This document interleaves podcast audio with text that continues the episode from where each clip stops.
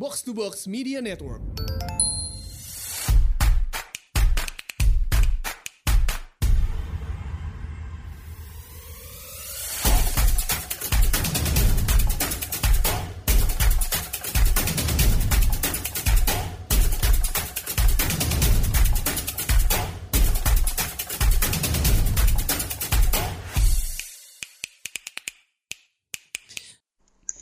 Selamat datang di Asumsi Bersuara dan sebelum kita mulai gue mau cerita dikit nih. Jadi banyak teman gue yang nanyain gitu, lu kalau rekaman podcast tuh di mana sih? Rekaman Asumsi Bersuara tuh di mana sih? Gue suka lihat di Twitter tempatnya kayaknya bagus. Ya gue tinggal bilang aja emang tempatnya bagus karena kita uh, sewa tempat di Cohive gitu. Lu kalau ada yang belum tahu Cohive itu apa? Cohive itu salah satu uh, workspace terbesar di Indonesia yang udah ada di Jakarta, Medan, Surabaya, Jogja, dan juga di Bali gitu. Jadi lu bisa punya ruangan di sini uh, buat kantor lu, misalnya lu lagi bikin usaha apa, uh, lu bisa punya ruangan di sini, uh, bisa co-working space, bisa private office, meeting rooms, uh, co-retail space, co-living space. Uh, lu mau bikin acara juga bisa, ada event spaces di sini juga bisa gitu. Tempatnya di mana? Ada banyak sebenarnya lokasinya di mana-mana ada. Uh, salah satunya di Plaza 89, jadi ada Cohive Plaza 89 di Rasuna Said, Kuningan, Jakarta. Ini aksesnya mudah banget dijangkau. Jadi lu mau pakai transportasi umum apa aja ada. Ini juga deket deket dari mana-mana lah. Sebelahnya ada Setiabudi One, banyak restoran, makanan, gampang. Uh, ada uh, rumah sakit MMC, nggak jauh dari situ juga ada Gor Sumantri kalau mau olahraga. Jadi udah enak banget. Selain itu ada juga di Simas InsurTech, uh, Cohive Simas InsurTech. Ini juga salah satu workspace terbesar di tengah Jakarta. Ini di daerah-daerah Sudirman, Tanah Abang situ. Deket sama tempat perbelanjaan kayak Grand Indonesia, Plaza Indonesia deket banget, gampang mau ke situ. Hotel Millennium, Hotel Ibis, kalau ada tamu dari luar, uh, mau ting diinepin di mana gampang juga deket.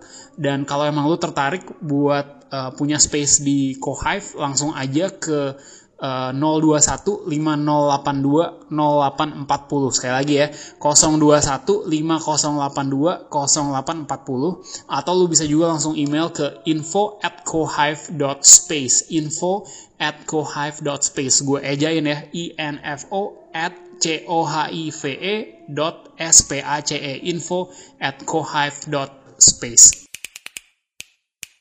Kali ini kita di rumah masing-masing, tidak di studio. Uh, saya kedatangan Mas Ainun Najib. Uh, Mas Ainun, terima kasih banyak udah mau uh, call dengan Sama-sama. kita nih untuk uh, podcast hari ini. Uh, Mas Ainun Najib ini uh, penggagas kawal COVID-19.id ya, Mas? Ya, ya. Iya, kawal uh, mungkin sebelumnya dan di Twitter at kawal COVID-19. At kawal COVID-19. Mungkin pada follow aja langsung, jangan lupa. Uh, dan kalau mungkin sebelumnya udah pernah dengar Mas Ainun Najib ini siapa, ini beda dengan Cak Nun ya Mas, bukan MH Ainun Najib ya ini. Iya, bukan. Ainun Najib yang lain. Uh, ini adalah um, Mas Ainun ini juga sebelumnya uh, buat kawal pemilu ya. Jadi yeah, uh, yeah. dari 2014 kita uh, udah sering dengar nama Mas Ainun ini um, adalah penggagas kawal kawal pemilu gitu. Nah, si kawal COVID-19 ini um, apa uh, adalah semacam portal yang mungkin nanti Mas Ainun bisa jelaskan lebih lanjut sih menyajikan angka fakta tentang pandemi ini. Nah, sebelum sebelum mulai ini mungkin gue mau ngingetin juga ke semua yang lagi dengerin uh, asumsi bersuara um, bahaya virus ini tuh begitu nyata gitu kayak udah mulai ada yeah, lah yeah. sekarang uh, orang dekat gua yang orang tuanya kena orang tuanya meninggal. Uh, jadi udah bener-bener nyata banget jangan dianggap remeh lagi. Dan kali ini uh, mau mau ngajak ngobrol Mas Ainun juga uh, lebih lanjut soal ini gitu kan. Mas Ainun ini orang yang dari awal banget sebenarnya udah ngewanti-wanti kita semua gitu. Di saat banyak orang belum mulai khawatir uh, Mas Ainun ini udah lantang me menyuarakan ayo iya. hati-hati ini soal soal uh, COVID Ya, dan saya merasa ini. terlambat dan itu pun Mas Ainun merasa terlambat gitu. Padahal waktu itu pemerintah masih santai, masih uh, apa, masih belum ngapa-ngapain lah istilahnya, masih malah malah mempertimbangkan soal bahaya ekonominya kalau nggak salah ya Mas. Uh, mas, uh, pertama-tama nih Mas, menurut Mas Ainun situasinya sekarang se seblik apa sih? Oke, okay. yang pertama terpikir di pikiran kalau ditanya situasi sekarang adalah kita di titik di mana kita sudah perlu menyiapkan kuburan massal. Kuburan massal? Ya, kita di titik itu. Saya saya hari ini menimbang-nimbang apakah saya perlu tweet panjang lebar tentang itu, tapi saya rasa kita sudah di titik itu. Kalau seminggu terakhir saya berkoar-koar di Twitter, mention presiden, mention gubernur, dan mengadres, hanya menghimbau para bupati wali kota Indonesia untuk mempertimbangkan lockdown. Yep. Um, kalau saya perhatikan sekarang, sekalipun kita melakukan lockdown, maka kita sudah di titik yang lebih terlambat daripada Italia, jauh lebih terlambat daripada Italia, dan kita tahu kondisi Italia seperti apa. Yep. Um, kondisi Iran juga serupa seperti apa, dan um, sudah perlu kuburan masalah. Kalau kita akan lebih parah daripada Jabodetabek lebih parah dari Italia dan uh, Bali juga um, dan kota-kota lain mungkin akan menyusul hanya dalam hitungan minggu berarti ya sudah kita harus menyiapkan kuburan massal itu itu juga penting soalnya. Karena ya naudzubillah hari ini sudah mulai terjadi kan uh, ditemukan meninggal di kos-kosan. Mm -hmm, jadi sudah yeah, yeah. sudah bau duluan gitu loh. Maksudnya sudah terjadi seperti itu. Itu sudah mulai dan itu akan terjadi lebih banyak lagi. Apalagi ketika orang makin uh, takut dan berdiam diri di rumah ya. Tanpa di lockdown pun terus secara natural dia berdiam diri di rumah maka hmm. kejadian-kejadian seperti ini akan lebih banyak.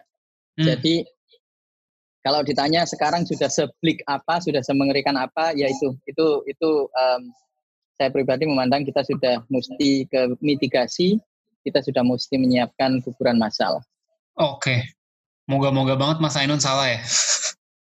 I wish to be wrong, ya yeah, I wish to be wrong, tapi sejauh ini yang saya sampaikan uh, sekian minggu sebelum terjadi itu masih terus terjadi.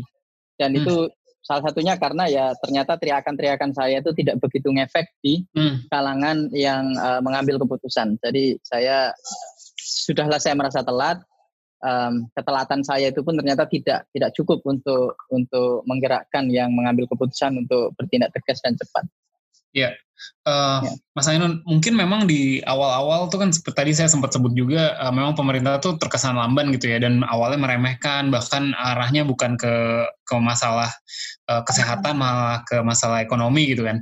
Tapi ya. kan itu udah berlalu lah ya, maksudnya itu udah bulan Januari Februari, ya udah kita telat. Uh, tapi kalau ngelihat setelah kasus pertama muncul um, lebih cepat gak sih? Kayak kelihatannya kelihatannya mereka bergerak lebih cepat apalagi ketika udah ada anggota uh, kabinet yang kena um, menurut Ya, baru mulai baru mulai terlihat bergerak cepat ya setelah ada anggota kabinet yang kena itu. Um, dan itu juga saya seminggu sebelumnya sudah bilang itu kan kira-kira di akhir minggu kedua ya kalau saya nggak salah ingat. Ya, ya. Jadi semenjak tanggal 2 Maret uh, terjadi diumumkan positif itu kira-kira dua minggu gitu baru perlu dua minggu gitu baru pemerintah itu mulai agak serius. Dan saya juga hmm. sudah kayak bilang sejak awal bahwa ini masa nunggu kayak Iran, nunggu kayak Iran di mana um, para anggota kabinetnya dan para orang-orang ring satu pemerintahan terkena positif gitu bahkan ada yang meninggal penasehatnya siapa Khomeini ya kan hmm. meninggal dan masa nunggu seperti itu hmm. dan ternyata benar pemerintah ternyata nunggu seperti itu nunggu ada hmm. menteri yang positif dan banyak orang-orang uh, seputaran ring satu dan pemerintahan yang yang positif baru kemudian serius hmm. itu ya sayang sekali dan saya juga sekarang menyampaikan atau beberapa minggu terakhir juga menyampaikan apakah bangsa Indonesia ini menunggu sampai bergelimpangan jenazah dulu baru serius mau diam di rumah saja, baru serius mau mengisolasi kampungnya, mengisolasi wilayah kabupaten, uh, kota, provinsi masing-masing gitu. Masa hmm. menunggu berkelimpangan jenazah dulu. Saya sih berharap tidak perlu menunggu begitu ya untuk melakukan tindakan tegas dan dan ekstrim, tindakan ya. ekstrim untuk untuk mencegah penyebaran gitu ya. Saya sih berharap begitu. Tapi kalau masih masih juga tidak ada tindakan tegas, ya ya sedihnya uh, kita memang sepertinya mesti menunggu ada berkelimpangan jenazah dulu. Oh. Oke, okay. uh, eh, Mas Ainun, menurut Mas Ainun tadi kan sempat nyebut uh, langkah tegas, langkah ekstrim, langkah ekstrim seperti apa ya? Kan kita melihat di beberapa negara ya. tuh ada beda, ada beda-beda cara gitu kan. Kalau di di Korea Selatan mereka uh, lebih banyak fokus di testing massal, kemudian di trace dia ke mana saja, semua orang itu di, di testing lagi segala macam. Uh, sementara di banyak negara lainnya ada yang menerapkan total lockdown lah yang uh, kayak India gitu orang keluar rumah aja digebukin polisi misalnya. Um, Mas Ainun ngeliatnya untuk konteks Indonesia apa, uh, cocoknya yang mana nih? Kan ini perdebatan yang ramai banget di sosial media belakangan ini. Um, total lockdown atau um, metode lain gitu, kayak physical distancing. Ya Indonesia, ya Indonesia yang diperlukan itu ketegasan, hmm. ketegasan dan kedisiplinan. Dan sepertinya kalau militer dan polisi tidak diturunkan, sepertinya tidak akan tercapai, tidak akan terjadi itu. Hmm. Um, jadi gini, ringkasnya ada, cuman ada beberapa hal yang bisa menyelamatkan bangsa-bangsa dari uh, wabah ini ya. ya. Jadi yang paling pertama itu, yang paling pertama itu containment. Jadi di, dipastikan uh, jelas penyebarannya dan ditutup. Ya. Yang yang yang terkena dan yang menyebar ditutup. Makanya ini yang ada istilahnya contact tracing. Misalnya ada satu orang positif terus di, dilacak tracing gitu kan, dilacak orang ini beberapa hari terakhir itu ketemu siapa aja terus yeah. biasanya keluarganya koleganya atau orang-orang yang bertemu dengan dia gitu itu kemudian terus diisolasi gitu kan diisolasi yeah. dites dan seterusnya nah itu itu yang dilakukan oleh Singapura itu yang dilakukan oleh Taiwan oleh Hong Kong oleh yang betul-betul gerak cepat sejak awal jadi mengantisipasi ketika angkanya masih satu dua tiga gitu itu sudah diantisipasi jadi bisa dikonten bisa di hmm. bisa ditutup gitu ya bisa ditutup. itu efektif kalau nah, angkanya nah, masih sedikit ya mas Ya, kalau antisipasi dari awal dan itu sayangnya ya. tidak dilakukan di Indonesia kan, maka ya. uh, Indonesia kemudian masuk kepada fase yang seperti Korea Selatan, yaitu uh, tiba-tiba sudah menyebar aja karena ada orang uh, kalau di Korea Selatan karena ada satu orang yang ngotot ke gereja itu kan, ya, satu ya, orang perempuan tua yang ya. ngotot ya. ke gereja dan dia uh, menyebarkan ke banyak orang um, dan setelah dilacak sekarang Korea kan sudah ribuan ya, itu ya. dia itu adalah sumber dari 80% kasus positif. Hmm. Satu orang itu, satu orang itu adalah sumber dari 80% kasus positif di Korea Selatan. Um, ini semacam MLM gitu kan. Dia itu upline yang downline-nya itu 80% dari yeah, yeah. MLM kematian itu di, di Korea Selatan gitu. Yeah, nah, responnya Korea Selatan dan ya dan sekarang Korea Selatan sudah berhasil. Responnya Korea Selatan itu um, uh, teknik yang kedua yaitu mass testing. Kalau yang ya. pertama tadi containment ya. Kalau containment ya. nggak berhasil, sudah lepas ini, sudah menyebar, sudah merebak. Maka yang kedua adalah mass testing. Nah, kenapa mass testing?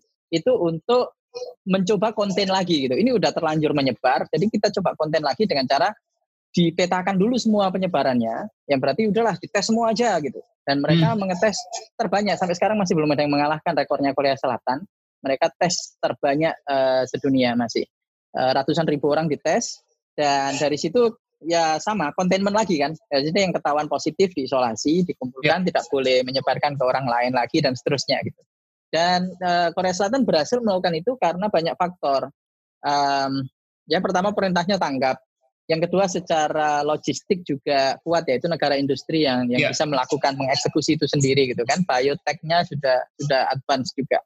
Uh, sehingga mereka bisa membuat tes dan sebagainya itu dengan cepat. Lalu yang terpenting juga kedisiplinan warganya. Kedisiplinan hmm. warganya itu mendukung. Um, ada teman yang berpendapat dan saya saya rasa saya setuju. Itu adalah akibat baik dari adanya wajib militer di Korea Selatan. Hmm, Jadi Korea okay. Selatan itu satu dari sedikit negara yang mewajibkan wajib militer untuk pemuda-pemudanya. Hmm. Nah, sehingga terbiasa disiplin suara ketika dikerahkan seperti ini ikut gitu, mau mau mengikuti petunjuk pemerintah gitu. Tidak seperti di Indonesia gitu yang juga kali ya? tidak tegas. Eh, Singapura juga betul. Yeah. Nah, tapi Singapura kan belum sampai ke massal gitu kan. Singapura yeah, masih yeah, yeah. di containment. Jadi masih yeah. aman di tracing masih masih masih masih masih berjalan di situ. Nah, yeah. Indonesia itu sudahlah tidak ada ketegasan pemerintah. Jadi kepala pemerintahan tidak melakukan perintah. Presiden tidak memberikan instruksi, presiden memberikan himbauan. Itu apa? Kalau himbauan saya juga bisa menghimbau. Semua yeah. orang yang punya Twitter bisa menghimbau gitu. Presiden bukan itu tugasnya. Presiden itu kepala pemerintahan harusnya memerintahkan Ya. Nah, itu yang saya sangat-sangat kecewa dan sangat sedih. Tapi ya sudahlah gitu ya. Sudahlah hmm. tidak memerintahkan, hanya menghimbau. Masyarakatnya juga tidak mengindahkan himbauan gitu. Jadi ya. malah nggak karu-karuan. So, jadi itu itu yang membuat uh, dalam seminggu terakhir ini atau dua minggu terakhir ini upaya untuk melakukan mass testing meniru Korea Selatan gitu ya. Jadi um, saya ingat betul salah, salah satu dari ring satu yang saya coba yakinkan untuk melakukan lockdown sejak dua minggu lalu itu berpendapat bahwa nggak semua negara lockdown kok itu Korea Selatan berhasil tanpa lockdown gitu. Oh, terus saya bilang, oh iya betul karena ada mass test gitu. Jadi ya sudah saya bilang ya udah minimal tolong mass test diadakan. Lalu kemudian mass test diadakan beneran kan. Uh, tapi ternyata ya kita melihat seminggu terakhir itu tidak belum efektif, belum berlangsung karena logistiknya juga masih belum siap. Terus ditambah betul. lagi um, uh, masyarakatnya juga masih belum disiplin. Jadi alih-alih yang di mass test itu melakukan mass testing itu untuk supaya terpetakan penyebarannya, yang terjadi malah banyak mudik. Kita li, hmm. kita lihat berita iya, puluhan betul, ribu betul. sudah mudik ke Jawa Tengah gitu ya. Pak Ganjar sudah menyatakan sudah puluhan ribu yang mudik ke Jawa Tengah. Terus ya kita saya bersyukur sekali melihat Gubernur Ridwan Kamil menyatakan uh, jangan mudik, yang memaksa mudik akan otomatis jadi ODP. Seperti oh, itu kan. Okay. Itu itu yeah, iya, ketegasan yeah, yeah. seperti itu yang kita perlukan sebetulnya. Jadi saya saya termasuk salut dengan Pak Gubernur Ridwan Kamil. Dan barusan saya lihat tadi uh, hari ini beliau juga uh, sharing tentang uh, ya. Drive-thru. Mass test, mass test drive-thru sudah mulai. Jadi hmm. sepertinya sejauh ini pemimpin Indonesia yang paling genah, paling benar responnya itu Pak Ridwan Kamil sejauh ini. Hmm. Ya, oke, okay. itu itu yang kedua ya. Jadi yeah, yang ya. pertama yeah. tadi containment, yang kedua mass testing gitu. Yeah. Nah, yang ketiga, yang ketiga yang juga yang juga berhasil itu ketika seluruh warga itu mau diam di rumah saja, mau lockdown dirinya sendiri. Yeah. Mau lockdown dirinya sendiri. Baik itu sukarela atau terpaksa ya. Baik itu sukarela atau terpaksa. Nah, yang agak terpaksa itu misalnya di China. Jadi dipaksa dengan uh, militer. Ya. Uh, terus di India, India baru empat hari ini udah mulai lockdown ya, sekitar empat hari yang lalu sudah mulai lockdown. 1,3 miliar penduduk nasional itu itu kan lima kali populasi Indonesia ya, lima kali populasi Indonesia loh. Mereka ya. lockdown nasional dan itu sudah banyak beredar juga videonya kan, orang-orang yang keluar rumah digebukin sama Gebukin. polisi pakai rotan, ya, digebukin pakai rotan gitu. Nah itu sebetulnya yang kita perlukan. Namanya saya juga nge-tweet um, daerah-daerah perlu mempertimbangkan bikin siskamling untuk melakukan ini gitu. Jadi kalau yes. mau udah memutuskan untuk lockdown ya udah siskamling siapa yang keluar rumah kalau bukan urusan esensial. Kalau bukan urusan misalnya mencari nafkah kalau nggak kalau nggak keluar nggak dapat nafkah hari itu mm. um, atau urusan esensial dia termasuk essential worker, orang yang membawa logistik pangan, orang yang membawa logistik uh, medis atau uh, tenaga medis itu sendiri yang harus keluar untuk untuk membantu menangani itu. Nah itu ya. itu boleh gitu kan. Mas, jadi menurut nah, Mas Ainun, ya. Mhm. ya menurut Mas Ainun ya. kita udah di udah di titik di mana sebenarnya satu-satunya langkah yang memungkinkan adalah uh, setiap setiap daerah memperlakukan lockdown masing-masing. Karena Betul. sekarang udah menyebar ke seluruh Indonesia kan pasti semua orang udah Betul. pada pulang kampung, udah pada ke daerah yang masing-masing. Sementara sementara testing yang uh, benar yang official hanya ada di beberapa tempat saja kan di negara ini. Mungkin Betul. itu juga satu hal yang Betul. yang kita beda sama Korea. Korea mungkin negaranya kecil, semua orang bisa lah dia testing lah. Kita kan nggak nggak mungkin. Kayaknya agak susah juga ya, Mas. Ya, um, sebenarnya Korea nggak kecil-kecil banget juga ya. Cuman uh, mereka memang efektif dan efisien dalam melakukan eksekusi mass testing. Cuman ya itu betul. Jadi kalau titik sekarang itu daerah-daerah masing-masing yang harus lockdown udah. Kalau pemerintah pusat masih ragu-ragu, masih menunda-nunda, udahlah daerah-daerah inisiatif aja. Jadi saya saya mendukung misalnya Bupati eh sorry Wali Kota Tegal yang melakukan lockdown. Walaupun kemudian Pak Ganjar bilang dengan eufemisme, oh itu isolasi kampung. Ya sudahlah, terserah istilahnya apa. Mau istilahnya itu lockdown, ya. karantina hmm. wilayah, isolasi kampung, diam di rumah dijaga tentara, atau apa pun itu istilahnya terserah. Yang penting ada dua poin yang harus tercapai, yaitu setiap orang semaksimal mungkin di rumah saja setiap orang semaksimal mungkin di rumah saja sehingga menyetop penyebaran. Yang kedua, um, apa namanya tidak ada pergerakan antar kota, tidak ada pergerakan antar daerah gitu. Jadi kalau misalnya ada yang terlanjur jadi zona merah itu jangan sampai merambat yang daerah-daerah lain jadi zona merah gitu. Yeah. Dan ini berlaku untuk wilayah yang kecil sekalipun. Jadi misalnya kabupaten gitu, misalnya dalam ya. Kabupaten Tegal itu antar kecamatannya, antar kelurahannya juga jangan ada pergerakan orang kecuali itu sangat-sangat esensial. Supaya benar-benar ter ini ya terisolir. Betul. Mas, tapi pertanyaannya kemudian ya. kan gini ya, ke, kalau kita bicara lockdown itu eh, orang ketakutannya, termasuk saya sih, pasti saya akan memikirkan, oke okay, lockdown berapa lama? Gitu. Kita kan nggak nggak akan pernah tahu nih eh, virus akan sampai kapan. Dan pertanyaan ya, besar ya. berikutnya adalah eh, ketika misalnya di, ketika misalnya di lockdown nggak uh, tahu dua bulan gitu.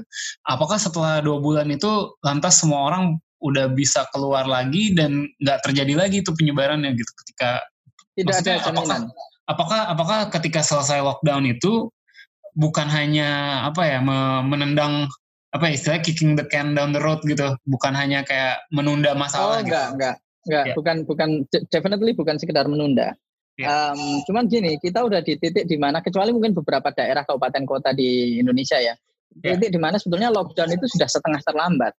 Um, okay. Apalagi Jabodetabek dan Bali itu sudah setengah terlambat. Jadi yang efektif itu seperti misalnya di China, Wuhan hmm. itu di lockdown um, ketika angka resmi meninggalnya itu belum 25 bahkan.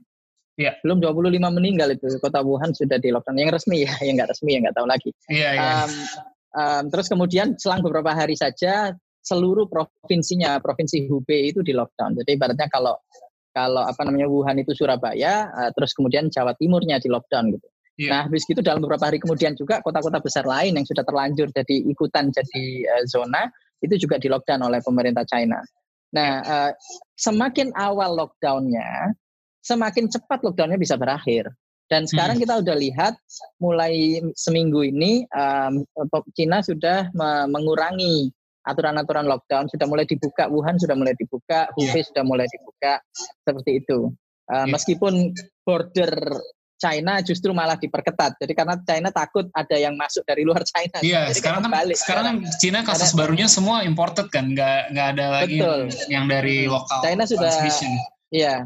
China sudah hampir seminggu zero case. Iya. Zero yeah. case yang dari uh, dari dalam negeri gitu. Adanya case yang orang dari luar masuk ke China terus ternyata positif. Makanya mereka memperlakukan karantina 14 hari untuk siapa pun yang datang dari luar China. Iya. Nah, itu itu jadi udah berbalik sekarang. Jadi China udah jadi negara paling aman. uh, yeah. paling aman dari COVID-19. Um, yeah. Oke, okay, balik lagi ke ke poin tadi. Jadi yeah. intinya apa pun istilahnya ya, yang penting itu penduduk itu diam di rumah saja untuk menyetop penyebaran dan uh, apa namanya tidak ada pergerakan antar wilayah. Nah, kalau kita melakukan ini berarti kita bisa best scenario-nya adalah kita menyetop penyebarannya sama sekali hmm. sehingga uh, katakanlah dalam beberapa minggu setelah ini atau dalam beberapa bulan setelah ini udah hilang sama sekali gitu. Sehingga kita bisa seperti China yang sudah nol cases gitu. Itu best sinarnya begitu. Tapi memang agak sulit karena ini kita udah sangat terlambat sebenarnya gitu. jadi kita sekarang itu lebih ke kalaupun ribuan harus meninggal minimal kita berhenti di ribuan hmm. karena kalau kita nggak lockdown ribuan itu akan jadi jutaan yeah. meninggal dan itu hitung-hitungan kami bisa sampai 5 juta atau bahkan mungkin minimal 5 juta penduduk Indonesia uh, meninggal karena ini. Kenapa? Nah, itu yang karena saya mau tanya sebenarnya Mas. Ya. Ya. Ya, kenapa bisa sampai 5 juta atau bahkan hmm. minimal 5 juta? Karena kalau penyebarannya tidak ditahan, maka hampir separuh atau bahkan lebih dari separuh penduduk Indonesia akan terinfeksi. Iya. Karena penyebarannya sangat cepat, itu bisa terjadi hanya dalam hitungan bulan. Ya. Um, sekarang pertumbuhannya virus itu setiap tiga atau empat hari itu jadi double. Coba anda ikuti datanya, anda ya. akan lihat bahwa setiap tiga atau empat hari itu jadi double. Kalau misalnya ha, tanggal sekian itu 100, tiga hari kemudian jadi 200. Betul. Tiga hari kemudian jadi 400, tiga hari kemudian jadi 800 gitu. Nah coba saya tanya sekarang, kalau tiap tiga hari itu double, dalam satu bulan jadi berapa kali lipat? Coba saya tanya, Mas. Wah, saya nggak bisa ngitung secepat itu. Matematika sederhana gitu. Iya, iya. Jadi tiap tiga hari double, dalam 30 hari jadi jadi berapa kali lipat? Berarti dua pangkat 10 ya? Nggak tahu, salah. Iya, dua pangkat 10. oh, betul. Ya, dua pangkat yeah. 10. Nah, banyak banyak yang keliru mengira 20 kali lipat, salah. Hmm. Karena ini kali dua, kali dua, kali dua, kali dua, bukan betul, tambah betul. dua, tambah dua, tambah dua, tambah dua, bukan. Ini kali dua, kali dua, kali dua. Berarti kali dua, sepuluh kali, dua pangkat sepuluh itu seribu dua puluh empat. Seribu dua puluh empat. Jadi dalam satu bulan saja, itu seribu kali lipat loh. Ibaratnya gini, Surabaya sekarang kalau nggak salah sekitar 60. 60 positif Surabaya.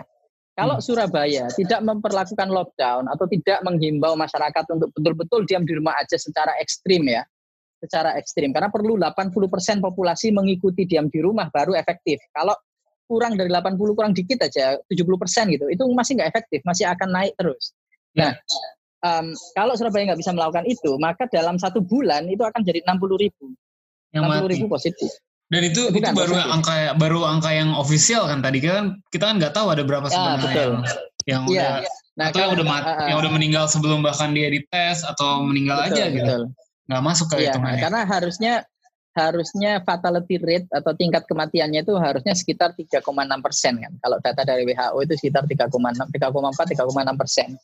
Um, ya. Kalau di Korea Selatan misalnya yang sudah masif tesnya itu sekitar satu persen. Nah, berarti angka yang resmi sekarang itu harus dikalikan 10 atau bahkan lebih untuk mendapatkan angka yang real. Jadi kita sebenarnya sekarang udah di puluhan ribu positif sebenarnya di Indonesia. Tergantung tergantung Cuman usia gak, juga lah, Mas. Kalau di sini kan mungkin penduduk mudanya lebih banyak dari di di di sana nggak ya? Ya. Jadi har harusnya ya. harusnya logikanya CFR yang benar atau angka kematian yang benar lebih kecil harusnya. Uh, iya, itu ada benernya. Cuman kalau anda lihat uh, misalnya dari data dari US, um, tingkat kematiannya nggak serendah itu juga untuk usia muda. Oke. Jadi oke. yang muda jangan jangan merasa uh, pe- Aman. kepedean. Udah ada beberapa beberapa kisah tragis anak-anak muda yang eksekutif muda bahkan yang Iya, masa betul. depannya sangat-sangat cerah itu meninggal karena ini itu sudah sudah banyak uh, terja- sudah mulai terjadi. Termasuk yang tadi yang ditemukan iya. meninggal yang ditemukan meninggal di kos-kosan itu kan seorang Iya, iya. apa namanya calon atau uh, pegawai di uh, lembaga pemerintahan kan anak muda. Iya. Dan Nah, jangan lupa itu- juga ja- jangan lupa juga kalau misalnya kita ada kecelakaan atau apa mau ke rumah sakit, rumah sakitnya udah penuh kan sekarang. Yang harusnya Iya, di betul. kondisi lain bisa selamat, sekarang mungkin jadi nggak bisa selamat gitu juga juga ngaruh. Iya, iya. Iya. Ya, ini saya jadi ingat tadi saya mau menjelaskan 5 juta terus belum disampaikan. Iya, iya, iya. Jadi kenapa kita menyimpulkan 5 juta? Itu karena em, kalau bisa bayangkan misalnya hampir separuh penduduk Indonesia terinfeksi, katakanlah 40 persen ya, 40 persen dari penduduk Indonesia terinfeksi. Dan ada yang memperkirakan itu akan terjadi eh, eh, menjelang Lebaran. Menjelang Lebaran akan hampir separuh penduduk Indonesia akan terinfeksi. Em, karena penyebarannya kalau nggak di stop akan seperti itu gitu kan kali 10 kali 1000 dalam sebulan berarti kalau dalam dua bulan kali berapa mas? Kalau satu bulan kali 1000 berarti dua bulan kali berapa? Waduh, tadi berarti kali dua pangkat 20 tuh. Yang gampang iya 1000 terus kali 1000 lagi kan? Kali seribu Kali lagi. 1000 lagi Sejuta. kali, kali sejuta. Kali Iya. sejuta. Kali sejuta lah kalau Indonesia eh, sekarang kira-kira real positifnya itu 10.000 ribu lah katakanlah. Kali ya kali sejuta ya udah lewat semuanya kena. Hmm, Jadi betul. hanya dalam waktu 1 sampai 2 bulan lagi itu separuh penduduk Indonesia berpotensi terinfeksi kalau kita masih kayak gini-gini aja. Betul. Um, yang berarti katakanlah 40% terinfeksi ya. 40% terus menurut data itu 5% akan perlu ICU. 5% dari yang terinfeksi secara umum lah. Kira-kira ya yang usia muda sampai usia tua memang beda-beda persentasenya, tapi secara umum itu sekitar 5% akan perlu ICU. 5% dari 40% perlu ICU. Berarti 2% populasi 2% populasi Indonesia akan perlu ICU. Se- Yang mana itu adalah 5 juta. 2% dari 250 juta itu ya 5 juta. Ya. 5 juta orang dalam 1-2 bulan ke depan akan perlu ICU. Mana ada ICU? ICU kita itu hitungannya cuma ribuan. Betul. betul. Se-Indonesia jumlah ICU itu cuma ribuan. Nah kalau tiba-tiba mendadak 5 juta orang perlu ICU, ya 5 juta orang itu ya men- menunggu kematian aja. Entah itu menunggu di kos-kosan, naudzubillah seperti yang barusan terjadi itu, menunggu di dalam ambulans seperti salah seorang profesor UI yang yang apa yang telah wafat mendahului kita Ya. karena rumah sakit menolak semua penuh atau bagaimana itu jadi meninggalnya di ambulans keliling-keliling nyari rumah sakit. Ya. Nah atau atau ya naudzubillah mungkin di di jalan karena sangat desperate harus jalan mau jalan kaki menuju rumah sakit nggak kesampaian meninggal di jalan. Makanya ketika saya bilang bergelimpangan jenazah itu saya bukan Mengada-ngada. bukan istilahnya hiperbola. Iya. Saya nggak mengada-ada, bukan hiperbola. Itu sangat-sangat real dan sangat-sangat possible. Kalau kita masih gini-gini aja, kalau pemerintah pusat masih juga tidak mau lockdown dan pemerintah daerah juga tidak mau mengambil keputusan tegas dan masyarakat sendiri juga acuh tak acuh, tidak peduli, tetap keluar rumah, tetap bahkan jalan-jalan atau wisata corona, ya ya Iya. udah tunggu tunggulah sampai berkelimbangan jenazah gitu. Iya, iya, iya. Wah, serem banget. Ah, Mas Ainun, kita mungkin em, beralih sedikit nih topiknya ke ke yang Ya. sedang Mas Ainun, Mas Ainun gagas gitu, eh, kawal covid19.id. Mungkin eh, Ya, Mas Ainun bisa bisa coba bantu jelaskan sih sebenarnya eh, inisiatifnya tuh apa sih yang dibuat dan apa yang yang Ya. dilakukan oleh kawal covid-19 ini yang belum dilakukan oleh pemerintah pusat atau pemerintah daerah gitu kan pemerintah pusat pemerintah daerah juga ada portal-portalnya masing-masing ya Mas. Ya, apa yang ya. yang Um, dilakukan gitu Ya. Jadi eh, visi awal dari kawalcovid19.id itu ada tiga. Menjadi sumber informasi, verifikasi, dan edukasi. Informasi, verifikasi, edukasi. Informasi yang 100% akurat mengenai COVID-19 itu apa, bagaimana, em, seperti apa penyebarannya, dan seterusnya gitu ya. Detail mengenai itu, karena banyak sekali eh, misinformasi atau kesalahpahaman yang beredar termasuk misalnya ah nanti bisa sembuh sendiri atau Iya. ah ini ini kayak flu biasa atau ah ini em, em, nggak perlu hal-hal yang seperti itu terutama dari pemerintah dari eh, Menteri Kesehatan kita sendiri di awal-awal itu. iya. itu yang yang kita pingin eh, bantah dengan informasi yang akurat itu.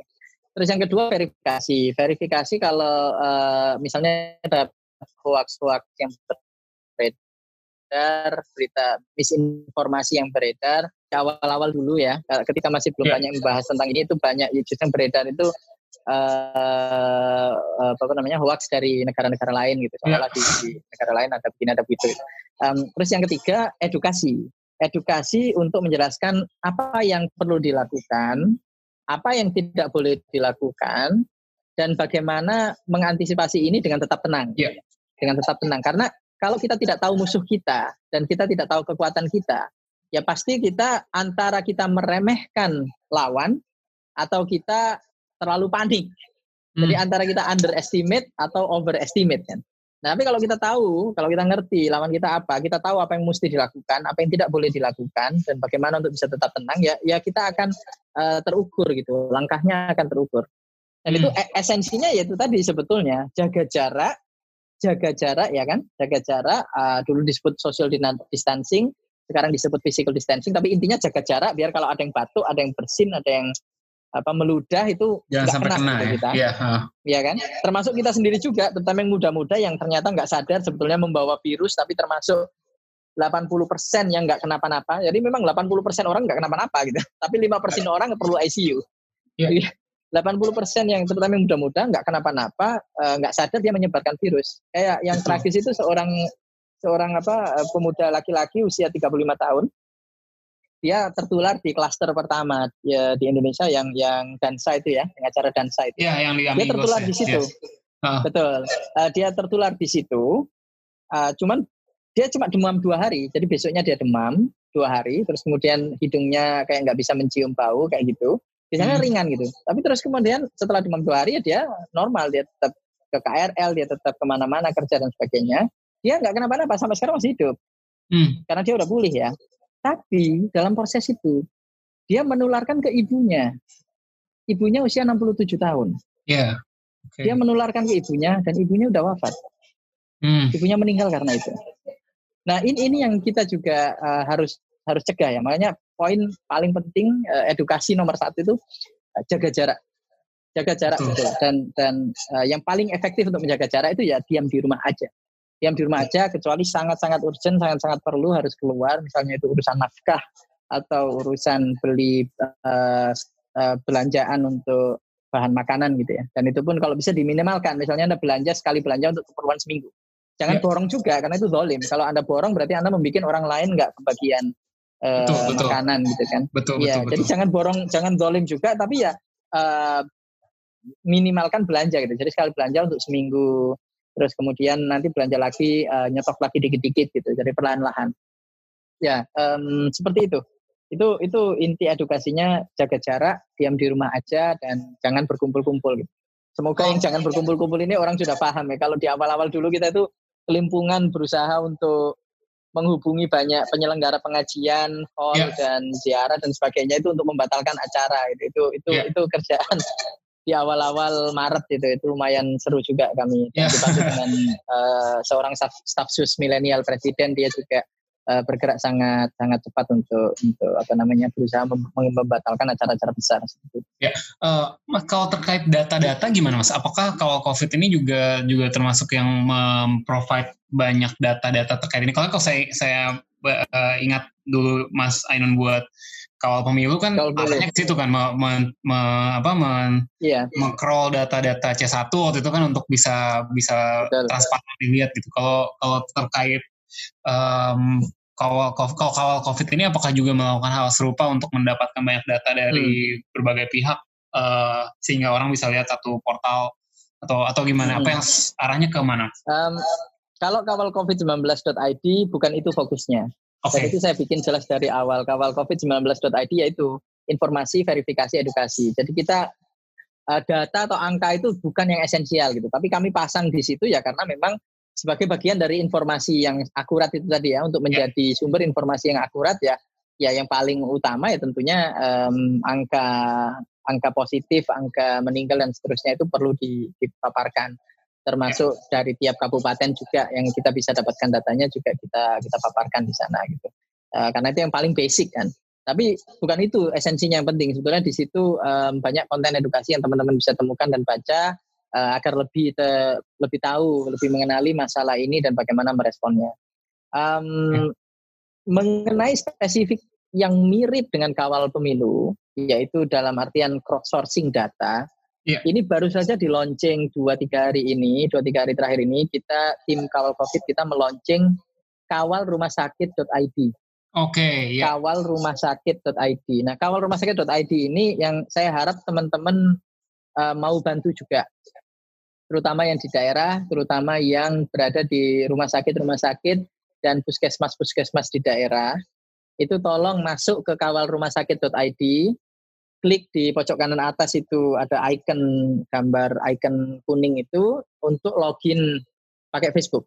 Ya. Jadi Anda login pakai Facebook, uh, terus kemudian setelah login nanti bisa japri kami. Japri kami, Mas, um, saya sudah login, saya siap untuk memberikan data, membantu data uh, apa yang diperlukan oleh rumah sakit dan puskesmas di daerah kami. Karena kan kita tahu um, salah satu problem terbesar kan kelangkaan APD. Banyak yeah. rumah sakit dan puskesmas yang memerlukan masker, memerlukan N95 uh, eh, apa protective mask, memerlukan APD yang uh, plastik uh, pakaian plastik yang apa namanya yeah. yang anti anti apa tidak tembus virus itu. Nah itu um, kita kawal rumah sakit.id ini harapannya menjadi source of truth, menjadi pusat data untuk kebutuhan-kebutuhan itu. Jadi teman-teman yang yang um, uh, berada di rumah sakit dan puskesmas tersebut, silahkan login, silahkan japri kami untuk yeah. kemudian menginput angka-angka yang diperlukan di sana.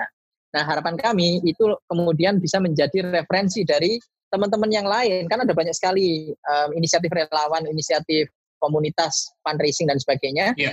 yang mencoba membeli maupun juga membuat sendiri ya kan APD hmm. terus face apa face protective mas itu cuman um, menyediakan suplainya terus perlu distribusi kan jadi kan kita nggak pengen lantas ada beberapa daerah yang kekurangan tapi nggak ada yang tahu Yeah. Kita nggak pengen juga ada misalnya satu rumah sakit yang karena saking terkenalnya semua orang menyumbangkan APD ke sana terus malah berlebihan kan kita nggak pengen itu terjadi kan. Betul betul. Jadi, Jadi biar, uh, biar kalau ada ya. satu biar merata. Jadi kalau ada satu portal yang single source of truth, semua nasional mengupdate ke sana dan menjadi referensi baik dari yang mensuplai kebutuhan APD dan segala macamnya, um, dan juga kemudian distribusinya gitu. Nah, ketika sudah mendapat bantuan ya tolong diupdate bahwa kebutuhannya sudah sudah terpenuhi sekian dan uh, tinggal perlu sekian lagi atau bahkan sudah tidak perlu lagi misalnya.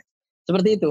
Um, visinya kawal rumah sakit.id. Jadi uh, melalui podcast Asumsiko ini saya mau mengajak teman-teman untuk buka kawal rumah sakit.id, login pakai Facebook, lalu Anda lihat di dalam situ, terus kalau Anda merasa siap untuk menjadi relawan yang bisa menginput data dari rumah sakit atau puskesmas di dekat Anda, maka um, japri kami tapi kami melalui Twitter atau saya pribadi cari account Twitter saya pribadi, um, um, terus kemudian akan kita upgrade statusnya menjadi relawan yang bisa menginput data dan membantu. Kalau, kalau hanya untuk melihat kira-kira mau menyumbang ke mana juga langsung aja berarti ya langsung ke situ. Langsung aja betul, ha, langsung, langsung aja. aja. Kalau hanya melihat itu langsung aja.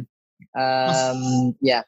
Yep. Ya, uh, kalau kalau kita kita yang yang bukan maksudnya bukan bukan orang yang bisa bisa melakukan input data ya maksudnya bukan orang yang ada di rumah sakit atau di puskesmas kita orang-orang biasa aja gitu apa yang bisa kita bantu ya sebenarnya dalam langkah penanggulangan ini uh, rakyat nah, jelata kayak kita ini apa yang harus dilakukan ya, tentu selain diam di rumah ya Iya, saya diam di rumah. Ini masuk ke poin empat tadi. Jadi hmm. kalau ingat tadi ya, apa yang negara-negara bangsa-bangsa sedunia bisa lakukan, saya sudah sebutkan tiga.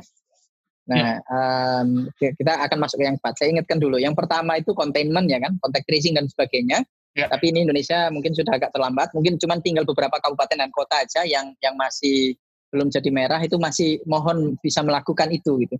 Jadi orang-orang pendatang yang masuk itu langsung dimonitor terus kemudian di, di, dipastikan di trace juga kalau ternyata kemudian positif. Nah, uh, itu satu containment. Terus yang kedua mass testing. Mass testing itu seperti Korea Selatan dan sekarang uh, mulai dilakukan dengan baik oleh Pak Gubernur Ridwan Kamil. Um, itu yang kedua. Terus yang ketiga diam di rumah saja semuanya, semuanya melockdown diri sendiri, ya kan? Baik itu sukarela atau terpaksa ya. Pokoknya penting hmm. diam di rumah lah gitu.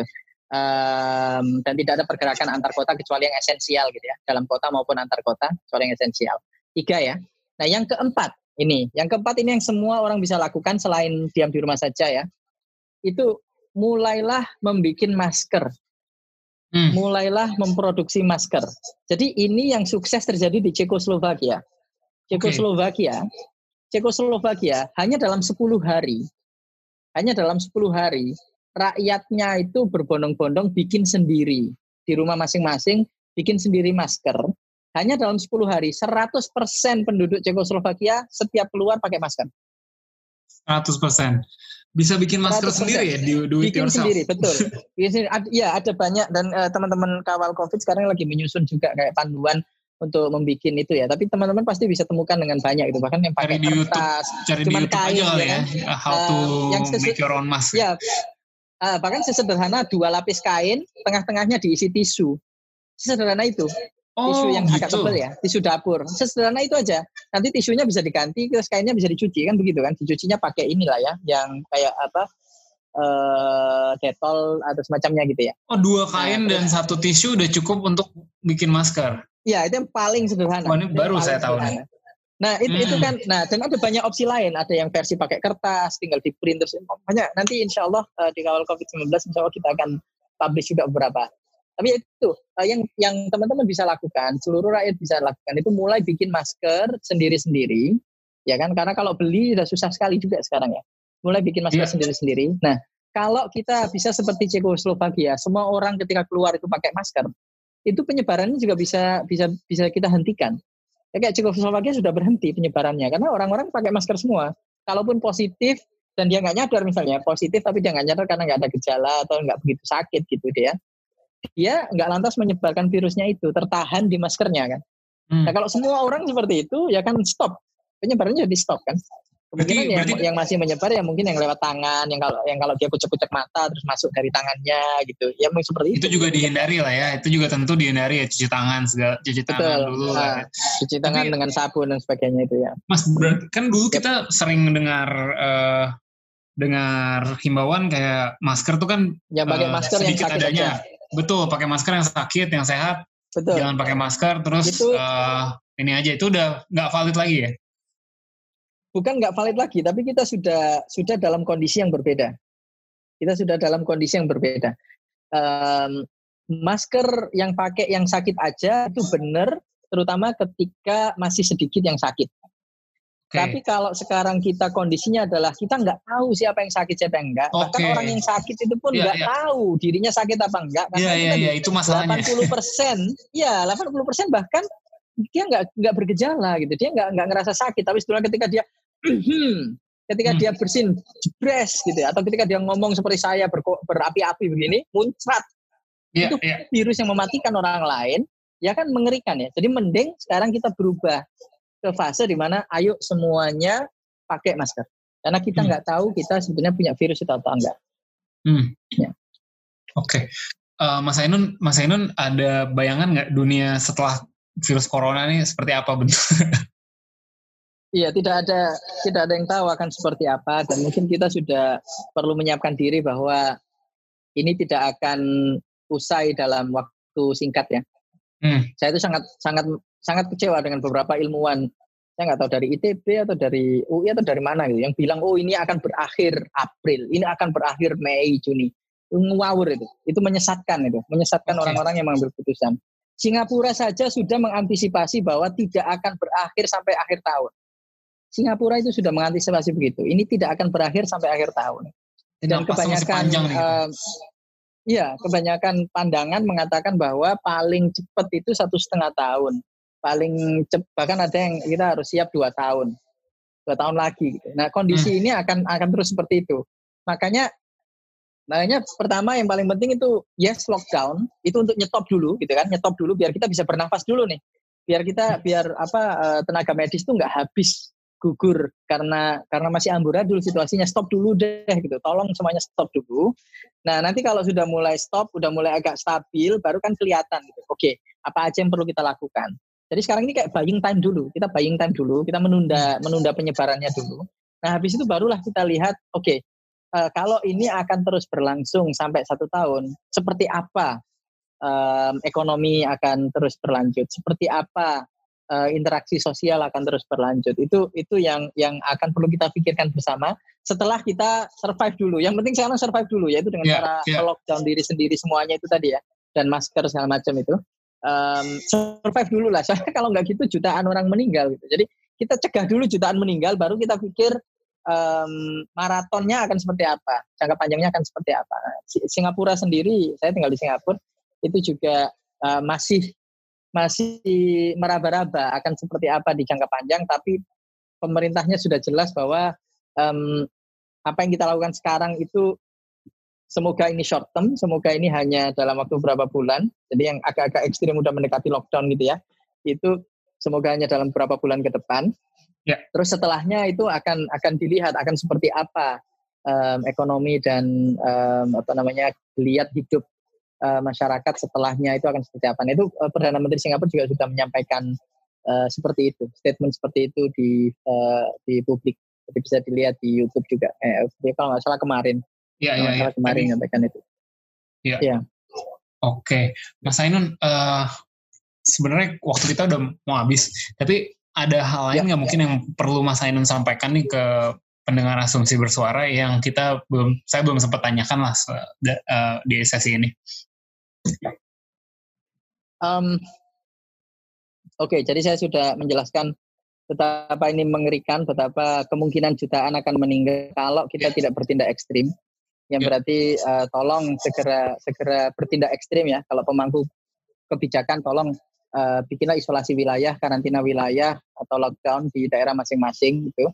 Uh, pastikan kontak tracing, pastikan tes, terus pastikan orang-orang yang punya gejala itu isolasi diri dan seterusnya gitu ya um, terus kita masyarakat um, ambil andil juga yang tolong di rumah saja semaksimal mungkin karena perlu 80% populasi diam di rumah untuk efektif.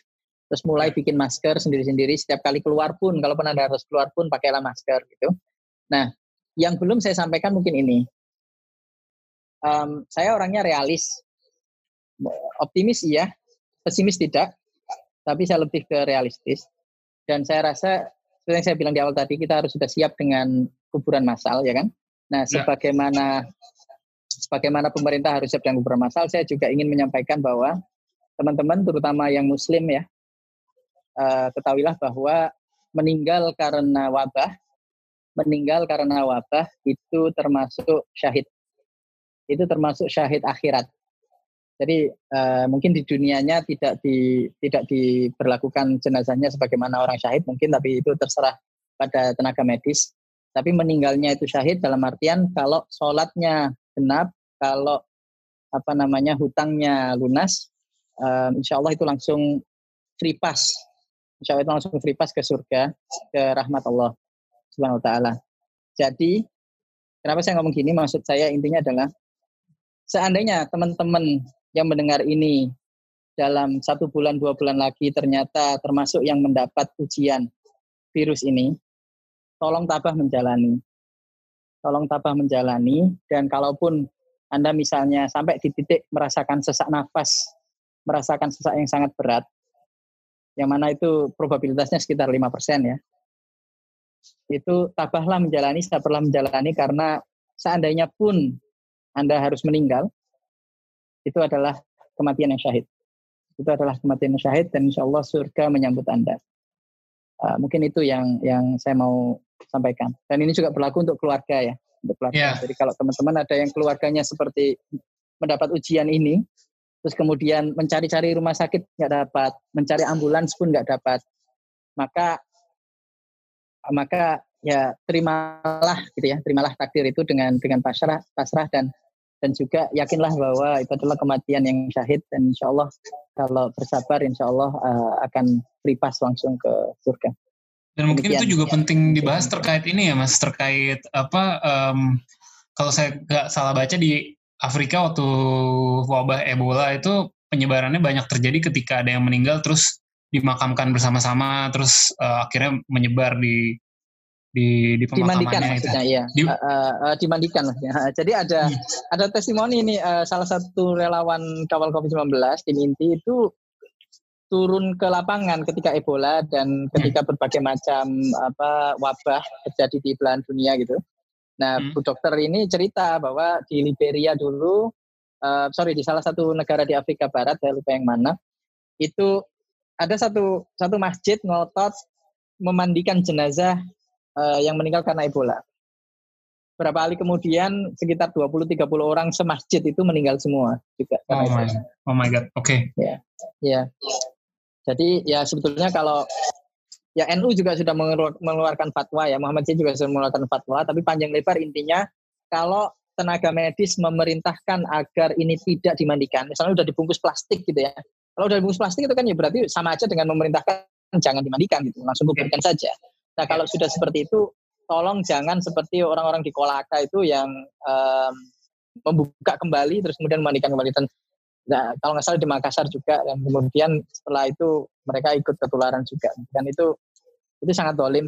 Em, jadi em, ikutilah fatwa bahwa kalau yang intinya kalau sudah tenaga medis menyatakan tidak perlu dimandikan maka jangan janganlah janganlah memaksa untuk memandikan karena itu membahayakan. Oke, oke. Mas Ainun, terima kasih banyak nih waktunya di akhir pekan ini mau Sama-sama. dihubungi kita untuk uh, mencerahkan pendengar kita supaya aware juga dengan ini semua. Ya. Oke, Terima terima kasih. Terima kasih banyak yang udah dengerin juga. Eh, jangan lupa follow Asumsiko, follow Box to Box ID, follow at kawal COVID-19 ya di Twitter. Yap. Ya, Oke, sampai jumpa lagi hari Selasa depan. Ciao.